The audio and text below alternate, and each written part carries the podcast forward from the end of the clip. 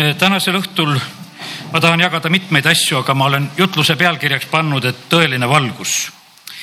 esimene selline teema, mida ma täna käsitlen, on see, mis ma sain nagu, et millise taktikaga tegelikult Jumal tegutseb siin selles maailmas. me oleme koguduses ja ütleme, et maailm on ümberringi Eh, me oleme vahest rääkinud väga palju ka sellest, et mida noh, mida kurat teeb, mida vaenlane teeb, mida tema teeb, kuidas tema teeb. aga täna ma tahaksin rääkida sellest, mida jumal teeb vaenlase leeris kõigepealt. nagu, et me mõistaksime seda, seal ei tegutse ainult mitte vaenlane ise.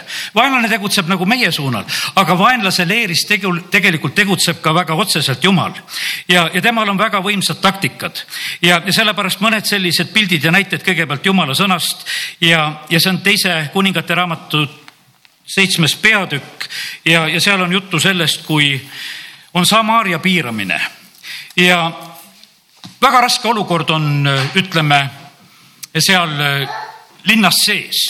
ütleme, et Iisraelil on raske olukord ja võiksime ütelda piltlikult niimoodi, et, et kogudusel on raske olukord, kui me võtame Iisraeli selliseks pildiks. aga teate, mis on veel? veel hullem on olukord tegelikult ühel hetkel vaenlaste leeris ja milles seal asi oli? seal oli asi selles, et, et tegelikult eh, jumal laseb seal kuulda hobuste hirnumist ja, ja otse kui suure sõjaväe ära ja, ja vaenlaste leer paneb lihtsalt põgenema. Nii et äh, selline asi lihtsalt sünnib ühel hetkel, kui seda Samaaria linna seal piiratakse, siis juhtub selline asi. Äh, kui äh, noh, ütleme sealtsamast teise kuningate raamatu ma teen lahti, mul ei olnud õige koht veel, teise kuningate kuuendast peatükist on järgmise näite. Ja, ja seal on jutt sellest, kui Süüria ja ja Iisrael on ikka vastasseisus. Ja siis on selline lugu, et mida Süüria kuningas räägib oma magamiskambris, siis sellest annab Jumal tegelikult Jumala mehele teada, see on teise kuningate kuuenda peatüki eh, üheksas salm, aga Jumala mees läkitas Iisraeli kuningale ütlema, hoiad, sa ei lähe sellest paigast mööda, sest süürlased asuvad sinna. Ja see juhtub nõnda mitu korda. Ja kallid, sellepärast tegelikult Jumal on väga aktiivselt tegutsemas vaenlase leeris, seal on vaja sellist hirmu tekitada, seal on vaja kuulujutte tekitada ja, ja mille pärast ma seda räägin? sellepärast, et me oleme üsna palju võib-olla vahest oma elus nagu sellisel territooriumil, mis ongi vaenlase oma. ma mõtlen sedasi, et, et äh, me võib-olla vahest ootame sedasi, et tuleks telekast ja raadiost tuleks tõde. no ei tule tõde, seal vaenlane valetab ise ja jumal lubab ka veel sinna segadust juurde ja, ja sellepärast ongi niimoodi, sealt ei saagi seda tõde tulla. sellepärast, et me näeme sedasi, et jumal lubab isegi, et, et ka tema poolt on sinna veel segadust juurde külvatud ja, ja ta lööb neid pimestusega ja sellepärast on need asjad, me vahest nagu tahaksime, et tuleks tõde, kallid, tõde tuleb koguduse keskel. jumal räägib koguduse keskel ja sellepärast meil ei ole vaja otsida, et me tahaksime nagu saada kuskilt, et me saame selle tõe kätte, seda ei ole võimalik saada. ja, ja sellepärast nii see on. vaenlase leeris Eh, nähakse unenägusid, kohtumõistjate seitsmendas peatükis Gideoni aeg mis seal nähakse? no lihtsalt nähakse seda, et üks odraleivakakk veereb, eh, telk lendab maha ja tegelikult on vaenlase leer on hirmu täis ja sellepärast vaenlase leeris on unenägusid, vaenlase leeris on sõnumeid ja nad jagavad omavahel ja värisevad koos. Nad kuulevad hobuste hirnumist, nad kuulevad kõiki neid asju tegelikult, no mis tegelikult ei olegi, võiks ütelda tõde. õel põgeneb, tal ei ole tagaajajat, ütleb jumala sõna, tal ei ole vaja tagaajajat, sellepärast et ta põgeneb niikuinii, sest jumal korraldab neid asju lihtsalt selliselt, et, et hirm on. kui Eerik on ümber piiratud, kaks maakuulajat saadetakse sinna, need teevad kindlaks, et kuule, kogu linn väriseb kõik on hirmu täis, võitlusvõime on kadunud, selle, sellepärast, et lihtsalt vaenlase leeris ongi niimoodi. Ja, ja sellepärast on niimoodi, et, et see sünnib ka praegusel ajal, vaenlane peab alla andma, tal ei ole teist, sest vaenlase leeris on hirm. Ja jumal lubab seda, et see kasvab ja suureneb. aga koguduse keskel saab julgus suuremaks. Ja, ja sellepärast kiitus Jumalale, mida Jumal on tegemas. teise kuningate üheksateistkümnes peatükk. Teen nüüd lahti. Ja, ja see on see koht, kus tegelikult on iski aeg. Ja ma loen siit salmid eh, üheksateist viis ja sealt edasi. ja kuningas iski sulased tulid Jesaja juurde, siis ütles Jesaja neile, öelgu oma isandale nõnda, nõnda ütleb issand, ära karda sõnade pärast, mida sa oled kuulnud, millega Assuri kuninga poisid mind on teotanud. vaata, ma panen temasse niisuguse vaimu, et ta kuuleb kuulujuttu. Ja siis ta läheb tagasi oma maale ja ma lasen tal langeda mõõga läbi omal maal ja sellepärast, kallid, see on niimoodi, et, pane tähele, mis sünnib vaenlase leeris, seal on kuulujutud ja jumal laseb neid kuulata. Ja sellepärast täna ma ütlen, et, et pane tähele, kus sa istud, kui sa istud pilkajate killas, siis sa saad jumalast lubatud kuulujutte psalm üks, pane tähele, kuidas on öeldud. õnnis on see inimene, kes on tegelikult õigete hulgas, aga kui sa istud pilkate killas, siis sa ei ole mitte ainult vaenlase jutu käes, vaid et jumala poolt lubatud kuulujuttude keskel. ja no need igal juhul eksitavad su ära, sul ei ole pääsu ja sellepärast, kallid, meie peame väga valima seda, et, et me oleksime õiges kohas õigel ajal, et me ei oleks lihtsalt nendes piirkondades, kus jumal lubabki valedel juttudel levida ja olla. ja ta ütleb, et ma lasen tal kuulda kuulujuttu, siis ta läheb tagasi oma maale ja ma lasen tal langeda mõõga läbi ta omal maal. nii et sellised infod annab tegelikult Jumal eh, oma sulase kaudu kuningas Iskjale ja need asjad tegelikult sünnivad ja, ja lähevad täide. ja, ja sellepärast mõistame seda, et, et Jumal on see, kes neid asju tegelikult siin selles maailmas teeb. ta on seesama, ta ei ole ennast muutnud ja need asjad toimuvad just, just niimoodi sellepärast on nii, et usu seda oma tervise kohta, mida räägitakse koguduses. Ma usun sedasi, et paljud inimesed võtavad väga tõeliselt seda, mida ta saab, võiks ütelda vaenlase territooriumilt. Ja kahjuks on niimoodi, et ma õnnistan arste, eh, olgu arstid olemas, tehku oma tööd, aga nende informatsioon on sageli see, mis tegelikult külvab hirmu. vanuse järgi sa oled juba nii vana, sa pead juba ammu logisema, sul peab olemagi juba tervis korrast ära, kõiki need, neid asju tegelikult räägivad kokku, sellepärast et see on nende kogemus ja, ja see on nende tõde. Ja nad usuvad seda, nad on õppinud seda. Ja sellepärast, kallid, nii see on, et isegi ma ütlen sedasi, et kui sa lähed teoloogiakooli, siis on niimoodi, et õnnis on see inimene, kes lõpetab selle kooli nii, et ta usku ära ei kaota, sellepärast et seal koolis räägitakse ka kõik kahtlemised kokku ära. Ära, sellepärast et kõik teoloogid, kes on midagi kahelnud ja mõelnud, no sealt peab need ära õppima. Ja sellepärast on juhtunud niimoodi mitmedki korrad, kus tuline kristlane läheb õppima justkui jumala sõna ja tuleb tagasi ära kustutatult, sellepärast et ta õppis kõik need kahtlused ära. Ja siis läks endal ka segi, et kuule, kas üldse midagi usaldada võib. Ja sellepärast, kallid, nii see on, et me peame väga jälgima tegelikult seda, et kust me midagi kuuleme, sest et jumal laseb tegelikult eh, nendel juttudel ka levida ja sellepärast on väga tähtis, et, et meie mõistaksime seda, et kus me oleme. vahest võib tunduda see jutt väga õige, nii nagu Apostel Pauluse järel on niimoodi, et, et käib üks lausuja eh, seal naine, üks selline orjatar, kes räägib, et need on kõige kõrgema jumala sulased, kes kuulutavad teile päästeteed. mitu päeva käib Pauluse järgi ja kiidab seda. no kas oli valesti midagi või? Täitsa õige jutt, lausuja vaimuga tüdruk räägib, et need on kõige kõrgem jumala sulased. Ja no tõde, mis tõde, aga mille jaoks sellist tõde on vaja? seda tõde on vaja selleks, et järgmisel hetkel eksitada sellepärast, et vaata, kui osa juttu tundub selline, et, et on nagu päris vastuvõetav, siis on väga lihtne sinna sisse visata ka mingisugust mürki ja visata ka mingisugust valet, siis sa neelad kõik selle korraga alla. see on täpselt niimoodi, kui sa paned lapsele ka, et tabletti ei taha võtta, sa paned midagi magusat juurde, et, et kuule, äkki läheb see klõmpsti kõik alla ja küll ta tal alla läheb ja lähebki niimoodi alla. ja, ja sellepärast on see kurat on samamoodi siin selles maailmas, et tema ta laseb rääkida, aga me näeme, et ühel hetkel on Apostel Paulus, kui ta on juba mitu päeva seda kannatanud, vajab selle vaimu välja. no kergelt ei lähe, vangi satuvad sellel korral. ja kallid, mis siis juhtub? tegelikult on siis niimoodi, me näeme, meil on õppida ühest asjast, me tuleme siia jumala kotta ja meil on vahest niimoodi, et me ei saa nagu seda kiitmist käima, kui oleks midagi häda. Nad kiidavad, ülistavad Jumalat seal, peksa saanud ja vanglas ja kiidavad, ülistavad Jumalat nii, et, et vangla uksed lähevad lahti ja sellepärast on see kallid niimoodi, et, et me tegelikult veel ei mõista seda, mis tähendab jumala kiitus. sellepärast, et me oleme täna tulnud vabalt kokku siia. meil on küllalt tegelikult põhjust, mille pärast jumalat kiita ja ülistada ja, ja täiesti rõõmus olla ja, ja sellepärast kiitus Jumalale, et Jumal tegelikult avab meile neid asju, mis, mis ta on tegelikult ootamas, mida ta tahab, et meie teeksime. ja sellepärast arvestame sellega, et, et vaata, me oleme niimoodi harjunud sedasi, et me tuleme, et meil on jumala sõna, meil on valgus, meil on rahu ja ja me tahaksime ei tea mida veel, aga teate, vaenlase leeris on vale, on pimedus ja isegi jumala poolt lubatud segadus ja pimestusega löömine. kui e, Iisrael tuleb välja Egiptusest, mis seal on? pilvesammas on vahel, Iisraelil on valge, teistel on pime. no vot ja, ja sellepärast nii see ongi, et ja, ja siis on niimoodi, kes kaugemalt võib ütelda, et kuule, et noh, koguduses on pime sest sa vaatad sealtpoolt. osad usuvad seda valejuttu.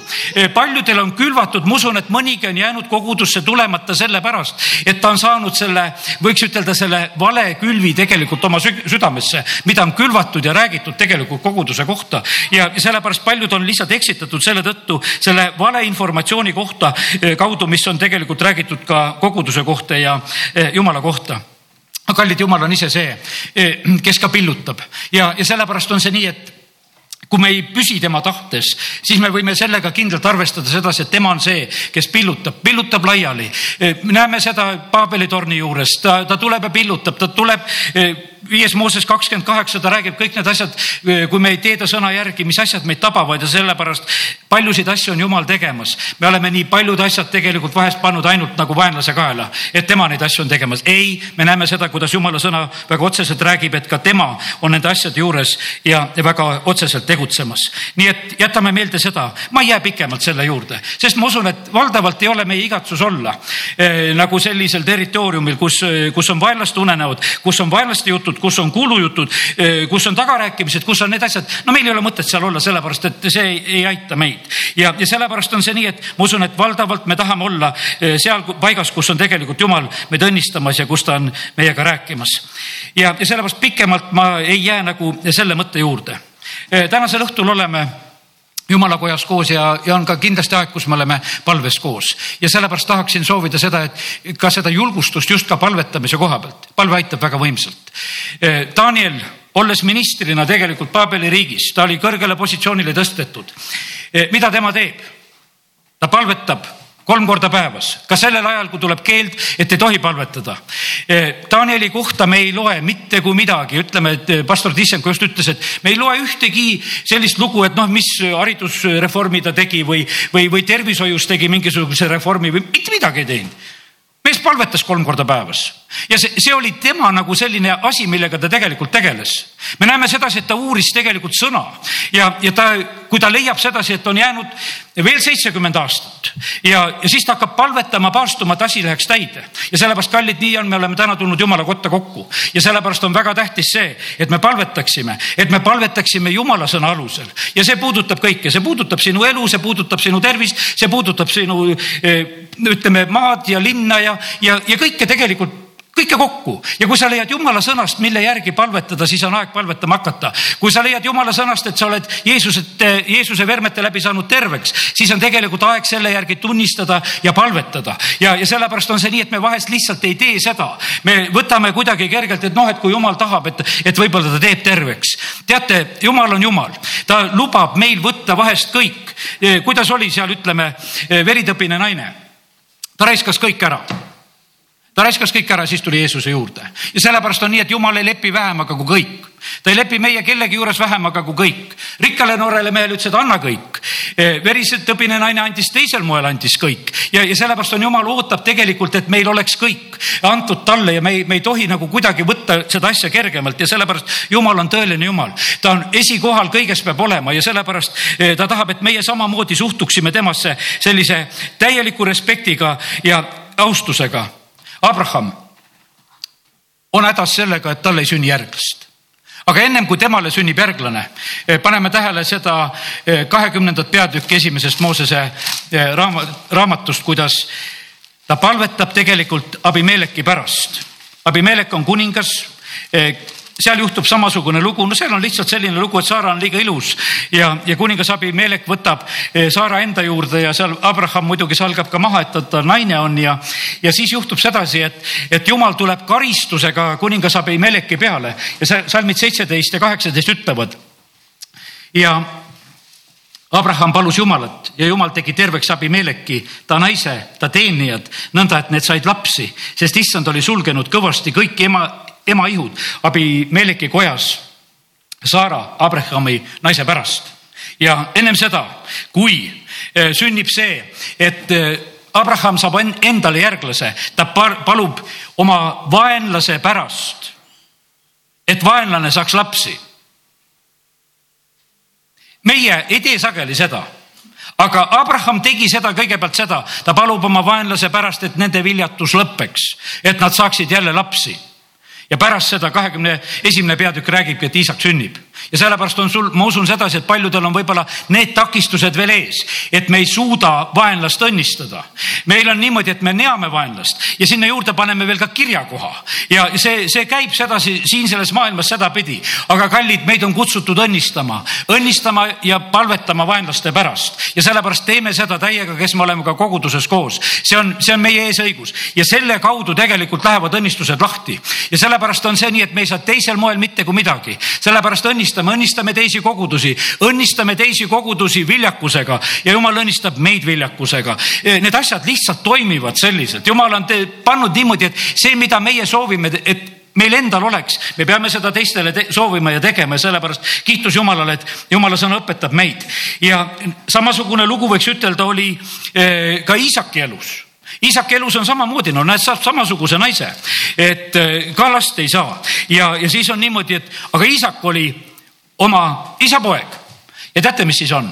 ta oli näinud, kuidas palvetatakse.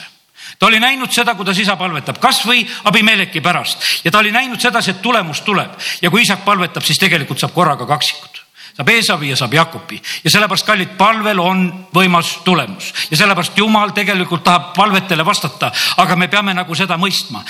palju pastor Tissenko ütles Iisaki koha pealt, et noh, palju tal oli haridust või mida tema oskas. täna ma räägin juba, et üks minister on niimoodi, et oskab palvetada, eks. aga teate, mis see minister välja palvetas?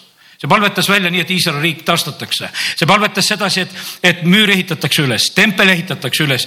tegelikult need asjad sünnivad, rahvas läheb omale maale tagasi, Paabeli vangipõlv lõpeb ja sellepärast kallid asjad tulevad palvete peale rohkem, kui me, kui me seda arvame. Ja sellepärast on see nii, et see on väga võimas hetk, mida meie teeme täna jälle siin, et me lihtsalt palvetame me lihtsalt palvetame ja, ja jumal tegelikult on see, kes ootab palveid. me oleme nagu, kuidas ütelda, nende palvetega oleme nagu vahipostil. ma usun sedasi, ma sain täna nihukese pildi, et, et vaata, me oleme nagu mingisugused vahimehed, me oleme nagu võib-olla praegusel ajal võiks ütelda, et me oleme nagu mingisugused andurid. me oleme siin selles paigas, mis me anname Jumalale seda informatsiooni, mis toimub siin ja, ja tegelikult Jumala käest me saame seda informatsiooni, mida tema tahab meile anda. vahimees peab olema müüri peal, ta hüüab teistele, mis on juhtumas ja, ja ta räägib need asjad välja ja, ja sellepärast see on nii tähtis.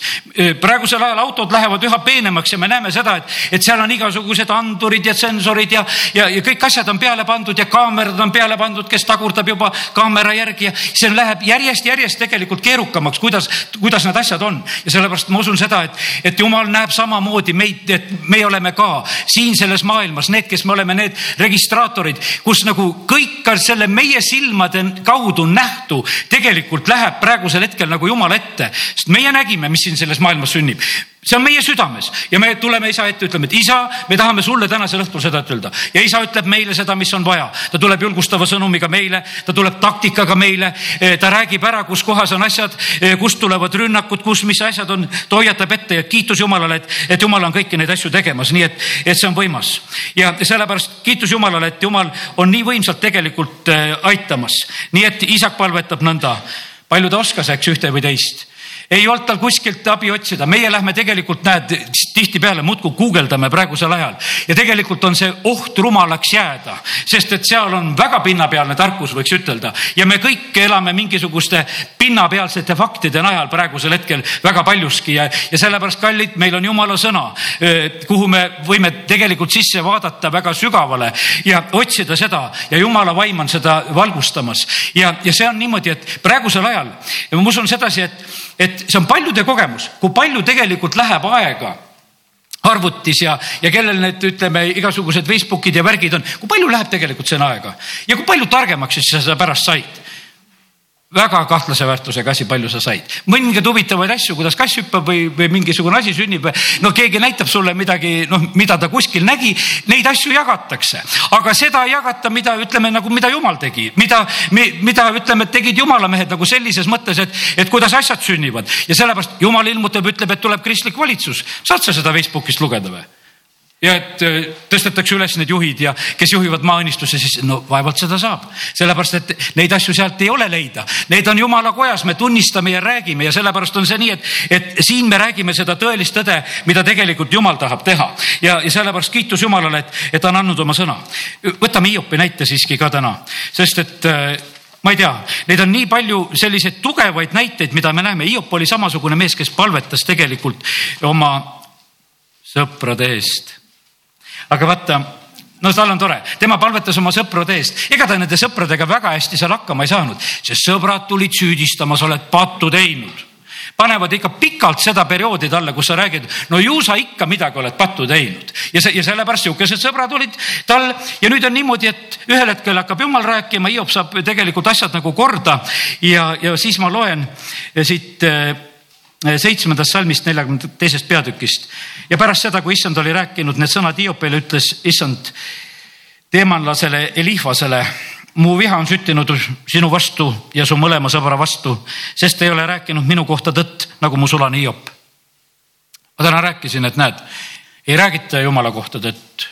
On kuulujutud, on valed asjad. Ja nii olid ka need Hiopi sõbrad, kes olid tulnud ja jumal ütles, et te ei ole rääkinud minu kohta tõtt ja nüüd ei aita mitte midagi muud, nüüd peate tooma ohvrid ja minema minu sulase Hiopi juurde ja tema palvetagu teie eest, sest ma kuulen ainult tema palvet, et mitte talitada ka, talitada teiega häbistavalt. kuigi te olete minu kohta rääkinud, ei ole rääkinud mu kohta tõtt, nagu mu sulane Hiop. ja siis nad lähevad, mille pärast see Elihvas võeti ette. Elihvas oli eestkõneleja Elifas oli see, kes esimesena tegelikult jutustama hakkas ja sellepärast oli nii, et jumal nendel teistel ei hakanud ütlemagi. ütles Elifasele, et kuule, sina see, kes sa kõige rohkem oma nina tõstsid. nüüd ma ütlen sulle, et sul ei ole teist varianti meeleparanduseks, kui sa lähed Hiopi juurde ja, ja sa las tema palvetab teie eest ja kallid, Hiop palvetab ja jumal, mis ta teeb tegelikult, kuuleb Hiopi palvet nende meeste koha pealt. aga teate, mis Hiopil juhtus? Hiopi põlv ka pöörati issand pööras Hiopi saatuse, kui ta palvetas sõprade eest ja issand andis Hiopile kahekordselt kõike, mis tal oli olnud. ja tema juurde tulid kõik ta vennad, kõik õed, kes olid, kes teda olid enne tundnud ja võtsid tema kojas leiba koos temaga. ma täitsa uurisin sedasi, et kuule, et mul on niisugune tunne, et kõik oli maatasa tehtud, aga nad tulid seal, võtsid ta kojas leiba sest et noh, et kui sa loed neid Hiopi kannatusi, no minu meelest oli seal mitte midagi nagu järgi jäänud. ainult potikild ja istus kuskil tuha peal, eks. aga nüüd on tegelikult, me näeme sedasi, et, et eh, ta sõbrad tulevad tagasi, ta õed-vennad tulevad tema juurde, võtavad leiba tema kojas ja igaüks andis talle siis kaaluühiku raha ja ühe kuldrõnga ja, ja selliselt tegelikult sünnib nagu sellisel hetkel. aga mis seal sündis tegelikult? seal sündis, et palvetati ja sellepärast, kallid, palvetada on vaja, palvetada on vaja vaenlaste pärast. Jeesus on ristil, ta õnnistab neid, et isa, anna andeks neile, sest nad ei tea, mida nad teevad. ja sellepärast, kallis kogudus, see on sõnad kõigi, kõigile teile, kes me oleme siin praegusel hetkel ka. meie asi on õnnistada, meie asi on õnnistada neid õdesid, vendasid, neid ka, kes, kes ei käi koguduse keskel, meie asi on õnnistada neid. meie asi ei ole mitte midagi muud teha, jumal on kutsunud meid üles seda, et meie seda teeksime, sellepärast et jumal aitab sellisel moel, aitab neid ja aitab meid sellepärast Jumal on Jumal. Ja sellepärast äh, issand õnnistas Hiopi viimast põlve enam kui, kui esimest ja sellepärast kiitus Jumalale, et, et sõnast me võime neid asju näha. Jeesuse jüngrid ei küsinud Jeesuse käest midagi, et isegi nad ei küsinud seda, et kuidas haiget terveks teha, nad ei küsinud seda, et kuule, kuidas raha teha, eh, kuidas rikkaks saada, nad ei küsinud mitte, nad ütlesid, kuule, me oleme sinu pärast üldse kõik ära andnud ja meil on nii läinud. nad ühte küsisid, Jeesus õpeta, kuidas palvetada, kuidas palvetada, sest et paistab, et see palvevärk oli selline, et Jeesus läks öösel mäele palvetama ja palju ta sinna jüngrid kaasa ei võtnud ja sellepärast jüngrid vaatasid küll, et ta tuleb tagasi. ta teab kõike, ta teeb kõike. Ja nad küsivad, aga Jeesus õpeta meid ka, me tahaksime ka palvetada. Ja Jeesus õpetas oma jüngreid palvetama, kasvõi see meie isa palve, eh, mida ta õpetas ja rääkis ja, ja kindlasti õpetas ta teda, neid oma jüngreid oma eeskujuga, kuidas tuleb palvetada? Ja sellepärast nii see on, et, et palve on väga tähtis asi, me peame õppima paluma, me peame õppima nii, et, et me palves kuuleksime Jumala käest. Ja ma usun, et me eh, oleme ka sellel aastal õppinud enam kuulma. Ja ma usun, et nii mitugi saab juba tunnistada sedasi, et me kuuleme palves olles rohkem, sellepärast et me õppisime, me oskasime oma kõrva nõnda seada, sellepärast et, et see on täiesti võimalik, sest et Jumal tahab meiega rääkida, ta tahab meie küsimustele vastata, ta tahab meie etteheidetele vastata. me ei pea ise neid välja mõtlema, eh, mis vastuseid me vajame, vaid jumal on valmis neid vastama ja sellepärast harjutame ennast selles ja ärme kaota ära oskust palvetada ja ärme kaota ära seda tahtmist, sest selle kaudu tegelikult tulevad lahendused. ärme kaota ära eh, jumala kiitmise tahtmist, kui me ei kiida ja täna jumalat eh, vahest me imestame sedasi, et no kus koha pealt tulevad need homod ja lesbid ja kõik need kokku. Nad tulevad sealt sellepärast, et nad ei kiida Jumalat. jumala sõna ei varja selle eest ja sellepärast nende sisse läheb selline, selline vaim, eh, kui nad ei kiida ja austa Jumalat. ja sellepärast on nii, et hoidu sellest, arva sina, et, et sa võid sellest pääseda, sellepärast et kui jumal ütleb sedasi, et kui ma jätan selle jubeduse sisse neid inimesi, siis nad jäävad. Ja sellepärast me vahest oleme niimoodi, mõtleme, et me oleme valmis võib-olla teisi arvustama, et mis te siuksed olete. aga kallid, ärme unusta seda, et kui me jätame kiitmise, ülistamise, kuningat Nebukadnessar, ta oli nagu loom küüned kasvasid, karvad kasvasid, kõik kasvas ühel hetkel ja sööb rohtu, sellepärast et ta ei andnud au Jumalale. ja sellepärast on see nii, et me vahest võtame kuidagi seda väga lihtsalt, et noh, et austame või austa või teeme, kuidas teeme. ei, Jumala jaoks on see tegelikult väga tähtis. E, tema tahab au saada ja ta ei anna oma au mitte kellelegi ja sellepärast on see väga tähtis, et, et me ei jääks mitte e, pimedusse ja Jumal tahab meid valgustada ja nüüd on nii, et e, järgmine lugu tuleb Johannese evangeeliumist tõeline valgus tuleb siia sellesse maailma, vaatame, kuidas tõelisel valgusel läheb siin selles maailmas. kas tõelisel valgusel läheb väga kergesti või läheb keeruliselt? ja Johannese evangeelium hakkab meile seda pilti avama kui see tõeline valgus tuleb siia sellesse maailma, siis me näeme seda, et, et juhtub see, et, et seda valgust tegelikult ei osata eh, vastu võtta. loeme siit neljanda salmi. Eh, tema kaudu oli elu ja elu oli inimeste valgus ja valgus paistab pimeduses ja pimedus ei ole seda omaks võtnud. elu oli inimeste valgus, kui ühes majas on elu, seal on valgus.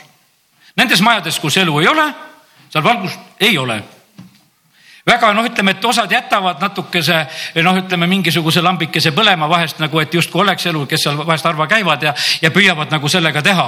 aga kallid, elu on äratuntav, see on täiesti äratuntav, sellepärast et see elu ja valgus on niimoodi koos, see, seda ei ole vaja kaua aega mõelda, et kas see on päriselt, võib-olla praegusel ajal on, et, et saad neid vilkuvaid lamp, lampe panna ja mis ise süttivaid ja kui keegi tuleb ja, ja tekitada nagu sellist muljet, et justkui midagi oleks. aga kallid, Jeesus tuli siia sellesse maailma ja siia maailma tuli tõeline elu, siia maailma tuli tõeline valgus ja teate, mis siis juhtus? see valgus on tegelikult kohus. kolmas peatükk räägib, sinna varsti jõuame ka. mis juhtus? kuningas Herodes ehmatas ära, üks laps sündis. ta laseb tappa Petlemma ümber lapsi, sellepärast et kuningas sündis, tema rivaal sündis ja kallid, tegelikult võiks ütelda, et kolmkümmend aastat Jeesus ei ohustanud mitte kui kedagi tegi puussepatööd ja vahepeal pidi olema pagenduses, eks, pisikese lapsena ja, aga põhimõtteliselt me näeme sedasi, et, et see tõelise valguse tulek siia sellesse maailma oli niisugune kohutavalt raske hetk. no mille pärast oli see raske hetk, sest et targad tulid hommikumaalt kes ütlesid, et on sündinud juutide kuningas ja hakkasid seda juttu rääkima ja see tõi tegelikult tohutuse, tohutu ehmatuse. kallid, kui tuleb tõeline valgus, siis see, siis see on siin selles pimeduses nii paistmas ja, ja see on väga tõsiselt nagu häirimas. ja mille pärast see valgus tuli siia sellesse maailma? E, Risti Johannes pidi kuulutama ja rääkima. E, see pidi tunnistust andma, tähendab Risti Johannes e, seitsmes salm ütleb, tunnistama valgusest, et kõik hakkaksid tema kaudu uskuma et kõik hakkaksid teda usaldama, et kõik hakkaksid teda järgima tegelikult see valgus tuli sellepärast, Jeesus ütleb, et kellel on eh, eluvalgus, noh, ütleme sellel, kes mind järgib. hiljem ta räägib sellest asjast. tema, aga Rist Johannes, tema ei olnud ise valgus, ta tuli tunnistama valgusest. tõeline valgus, mis valgustab igat inimest, oli maailma tulemas. ta tuli omade keskele ja omad ei võtnud teda vastu. ja, ja sellepärast nii see on, et juhtus nii, et seda valgust ei võetud vastu seda ei võetud vastu, sellepärast et eh, seda nagu ei tahetud, sest et tegelikult on valgus on see, mis hakkas paljastama, miks hakkas esile tooma, mis asju on. ja sellepärast on niimoodi, et vaata, reageering on tegelikult ruttu nii. kõik kirbud, lutikad, igasugused satikad ja tarakanid, pane tuli ainult põlema. kõik lähevad. kõik lähevad. kas on mingit käsku vaja ütelda, tüpake või? ei ole, lihtsalt on valgust vaja lihtsalt süütad, lihtsalt valgus tuleb ja kõik põgenevad ja sellepärast on niimoodi, aga kui me käime valguses, siis on meil osadus üksteisega, meil ei ole paha kokku tulla. ja sellepärast rahvas ütleb, et valge nagu kirikus. Eks, me tuleme kirikusse, me tahame, et on valge. vanal ajal oli see täiesti normaalne, et kirikus on valgem kui mujal, sellepärast et kodus oli üks kehvakene selline e, pirru ots, mis seal põles võib-olla, eks, aga kirikus oli palju, mis põles ja sa tulid kirikusse, oli valge. Ja sellepärast on niimoodi, et tegelikkuses peab olema nii, et me tuleme tegelikult julgelt selle valguse juurde. patused tulid. Ja variserid lasid jalga. variserid tahtsid tegelikult selle valguse ära hävitada. Ja hävitasid ka lõpuks, mõtlesid, me hävitame ära, kustutame ära no kas nad said päris ära kustutada? ei, ülestõusmise hommikul läks veel valgemaks. Nad korraks said, nad said pimeduse tunni tegelikult tekitada ja see pimeduse tund oli võidutund, see oligi nendele, et ahahaa, tegime asja ära, eks, ja, ja paneme Rooma sõdurid valvama ka. aga tegelikult oli see nii üürike see oli nii ürike, sest et varsti olid Rooma sõdurid pikali maas, eh, varsti oli valgus siin selles maailmas olemas kui olemas ja sellepärast kiitus Jumalale, et, et see tõeline valgus, mis valgustab igat inimest, oli tulemas siia sellesse maailma. kõik, kes vastu võtsid Nendele ta andis meelevalla saada jumala lasteks ja, ja kiitus Jumalale, et, et ta seda teeb. ma tulen äh, täpsemalt nüüd selle asja juurde, ma nüüd jutustasin ja ma annan nüüd täpsemalt. ja äh, siis ma täna hommikul tegelikult seda valguse sõnumit sain, ma sain üks päev juba ette. uuri, mis on valguses kirjas Johannese evangeeliumis ja täna hommikul tegin seda. elu oli inimeste valgus. kus on elu, selles majas on valgus. valgus paistab pimeduses. elu paistab elutuses inimesel on valik, kas võtta elu ja valgus vastu, kas võtta see omaks. Peeter Esimene võttis Euroopas toimuva omaks. ta tõi seda Venemaale, ta raius akent Euroopasse, et valgus paistaks sisse. Rist Johannes, viimane prohvet, kes enne eh, Jeesust kuulutab tema tulekut, rääkis sellest tulevasest valgusest, et hakataks uskuma ehk usaldama seda valgust. et võetaks Jeesuse elu eeskujuks see valgus on tõeline. Ja tõelisemat enam ei tule. Johannese üks üheksa, see tõeline valgus valgustab igat inimest, sellest jätkub, sellest jätkub kõikidele. ta tuli omade keskele, omad ei võtnud vastu, ei võetud eh, ei valgust ega elu. jäädi ikka oma pikkade habemete juurde elama, ei võetud vastu uut eluviisi, kes võtsid tema vastu, kes võtsid selle elu ja valguse vastu, said lasteks vägi saada, jõud saada lapseks. sellesse uude ellu ei saa vana kaasa võtta. kõik algab uuesti, sünnid ja kasvad. me tuleme Jumala juurde ja me sünnime me sünnime ja sellepärast meid viiakse sellesse punkti, et kus me hakkame uuesti pihta, vana lõpeb ja sureb. Eh, arvan kõike pühmeks, ütles Paulus, eks. nüüd ei ela enam mina, vaid tema. uus elu ja valgus minus. Eh, Johannese kolm, üheksateist ja kakskümmend üks valgus ehk Jeesuse elu tõi võrdlusmomendi, etaloni siia sellesse maailma. ja teeme lahti selle kolmanda peatüki lõpu. ent kohus on see, et valgus on tulnud maailma, aga inimesed armastasid pimedust enam kui valgust, sest nende teod on kurjad igaüks, kes teeb halba, vihkab valgust ega tule valguse juurde, et ta tegusid ei paljastataks. aga kes teeb tõtt, see tuleb valguse juurde, et ta teod saaksid avalikuks, sest need on tehtud Jumalas, et oleks selgelt näha see tehtu ja täide viidu, mis on tegelikult jumalast tehtud. Jeesus on kui röntgeniaparaat ehk nüüd sel ajal kui ultraheli, mis valgustab läbi, mis näitab, mis on inimeses, milline on tema elu.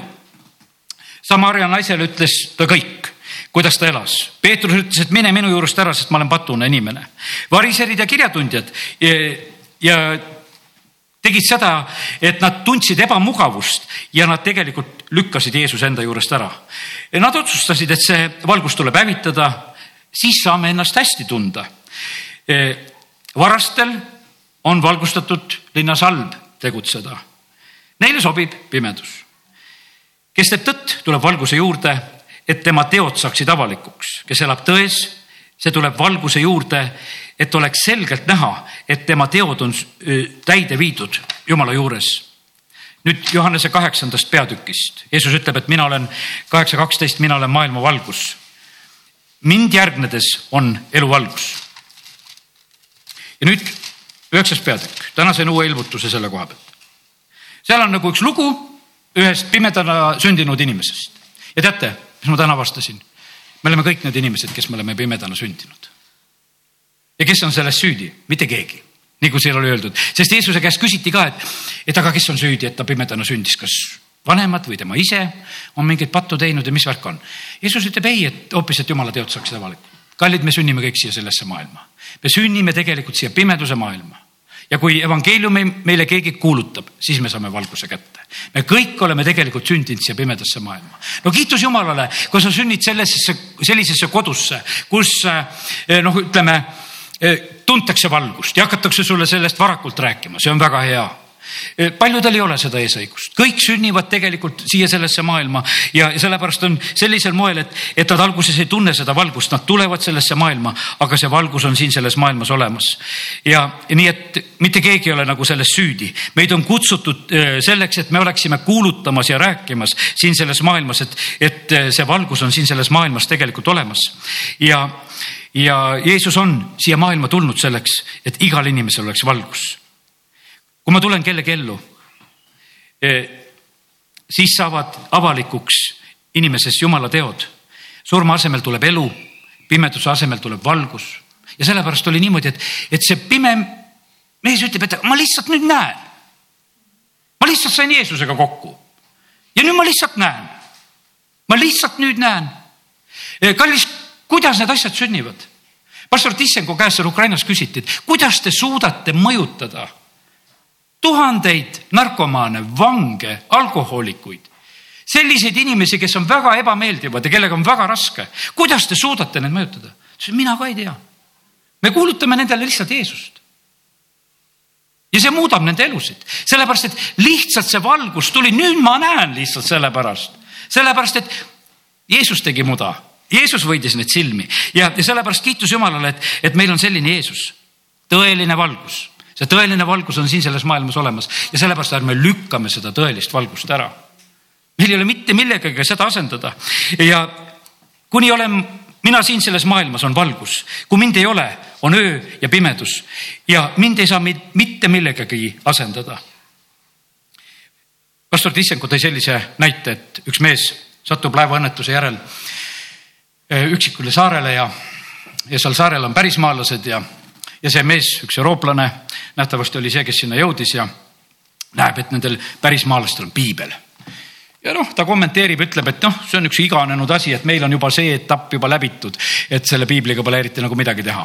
Ja teatab nendele pärismaalastele ja noh, usklik mees, kes sinna saarele sattus ja et pärismaalased ütlesid talle, tead, et, et tegelikult me olime inimsööjad, aga tänu sellele raamatule me sind ära ei söö ja siis see mees ka mõitis, et sellest valgusest oli ka talle kasu, et teda valge mehe praeks ei tehtud.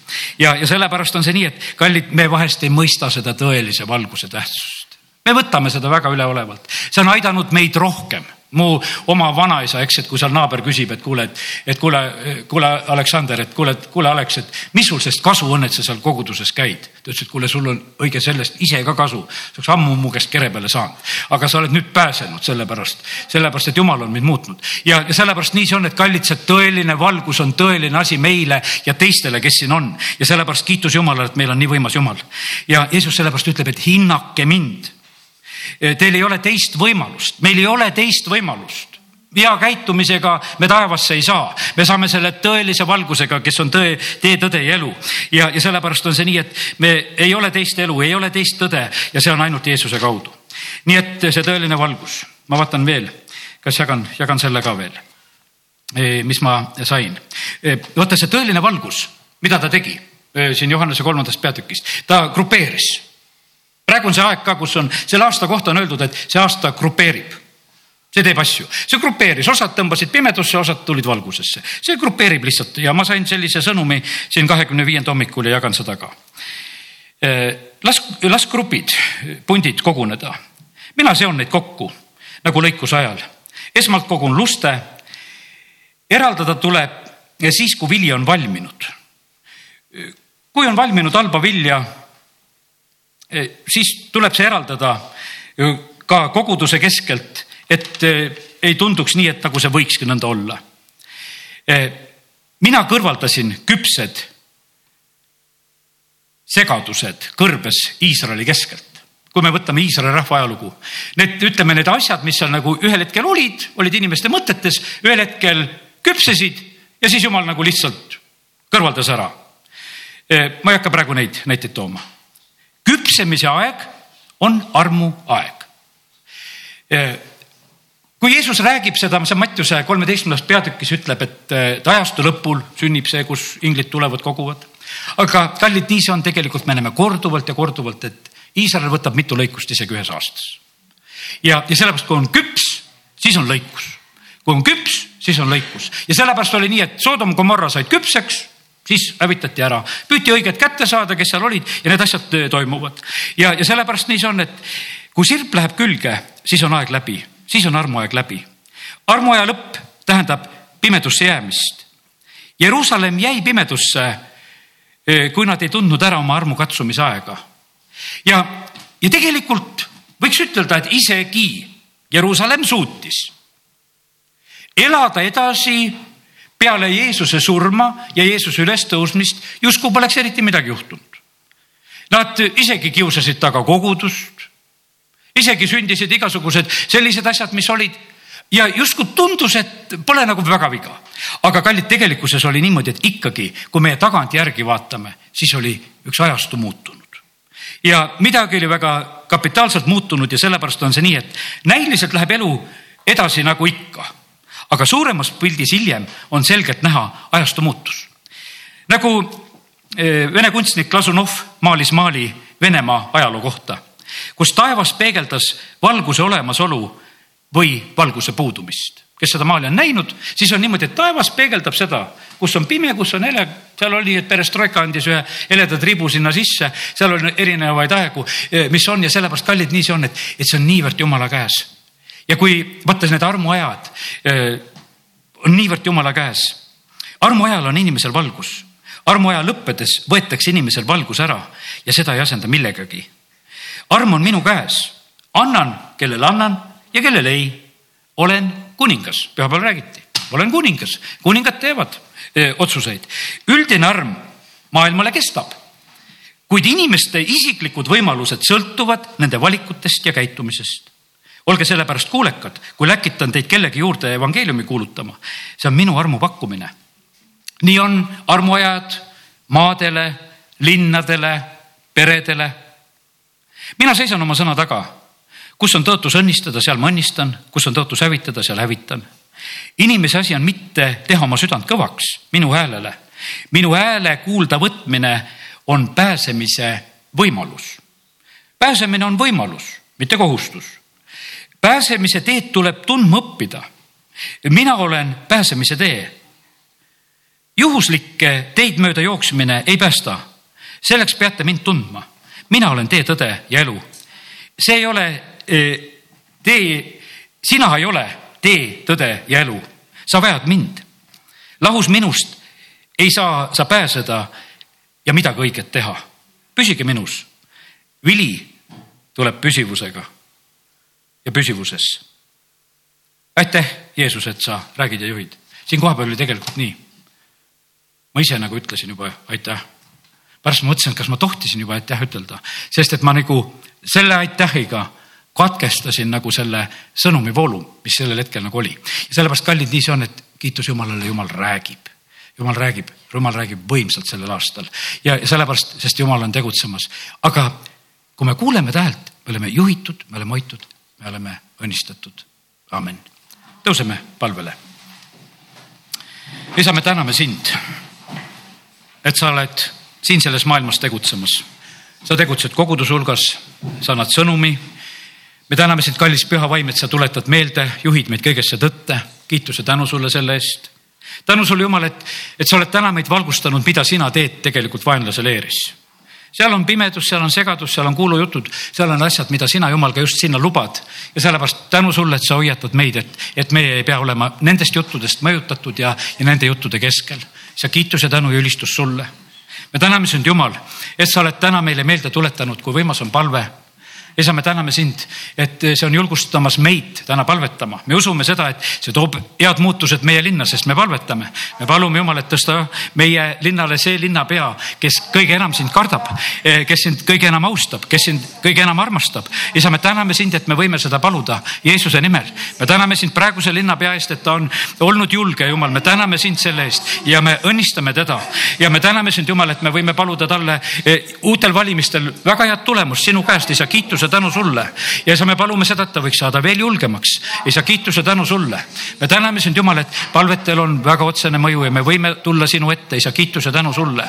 me täname sind, Jumal, et me võime täna õnnistada, õnnistada neid kõiki ka, kes meid ei mõista. me täname sind, Jumal, et su sõna ütleb, et me õnnistaksime neid, kes on meie kohta halba rääkinud, rääkinud, kes on koguduse kohta laimu rääkinud ja teinud. Jumal, me täname sind, et su sõna ütleb, et, et me nendel hetkedel rõõmut-, rõõmustaksime, aga isa, me täname sind, et sa oled veel ütelnud seda, et, et me õnnistaksime neid. isa, kiituse tänu sulle, neid, kes taga kiusavad, kes teevad mis iganes. Jumal, me täname sind kõikide nende inimeste eest, kes, kes ka sellisel moel on tegutsemas. isa, anna nendele andeks, õnnista sina neid ja me täname, kiidame, ülistame sind, Jumal, et me tohime armu paluda praegusel hetkel armu ajal kõikidele. aga Jumal, me täname sind, et sina näed väga pühalt ja õiglaselt. Eh, kuhuni keegi on läinud isa, me palume praegusel hetkel seda, seda armu, et me ei ületaks seda piiri, kus enam ei ole. nii nagu Eesav oli, kes silmapisaratega otsis, aga enam ei leidnud maad. ja sellepärast, Jumal, me palume seda Jeesuse nimel praegusel hetkel, et Jumal, hoia meid, et meie südamed ei läheks kõvaks, et me ei, ei teeks oma südant kõvaks sellele häälele, mida sina räägid, vaid me täname sind, Jumal, et sinu sõna on täna läkitatud meile, mis tegelikult meil on õnnistuseks ja abiks, isa, kiituse tänu sulle. aita meid, meie südameid pehmed hoida, aita meid alanduda sinu ette. isa, kiituse tänu sulle, et me võime seda abi küsida sinu käest. isa, ma tänan sind, ma tänan sind selle eest, et äh, sa oled teinud nii mõlemat siin lähiajal just. sa oled teinud inimeste südameid ilusamaks ja osadel on kahjuks kõvemaks ka läinud. jumal, me täname sind, et, et äh, me võime praegu lihtsalt armu paluda nendele, kes on kõvemaks läinud, aga õnnistada ja samas ka neid väga-väga ja veel rohkem, isa. aga tänu sulle, kes on suutnud alanduda sinu ette, isa, kiituse tänu sulle. me täname sind, Jumal, selle imelise aja eest, milles me praegusel hetkel oleme. isa, tänu sulle, tänu sulle nende eest, kes tulevad pühapäeval ristimisele, tänu sulle nende uute inimeste eest, keda sa kogudusega liidad. isa, kiituse, tänu ja au ja ülistus sulle me palume Jumalat, kingi üks ilus hommik ka siin Tammula järve ääres, ava taevad, isa kiituse, tänu ja ülistus sulle Jeesuse nimel, amen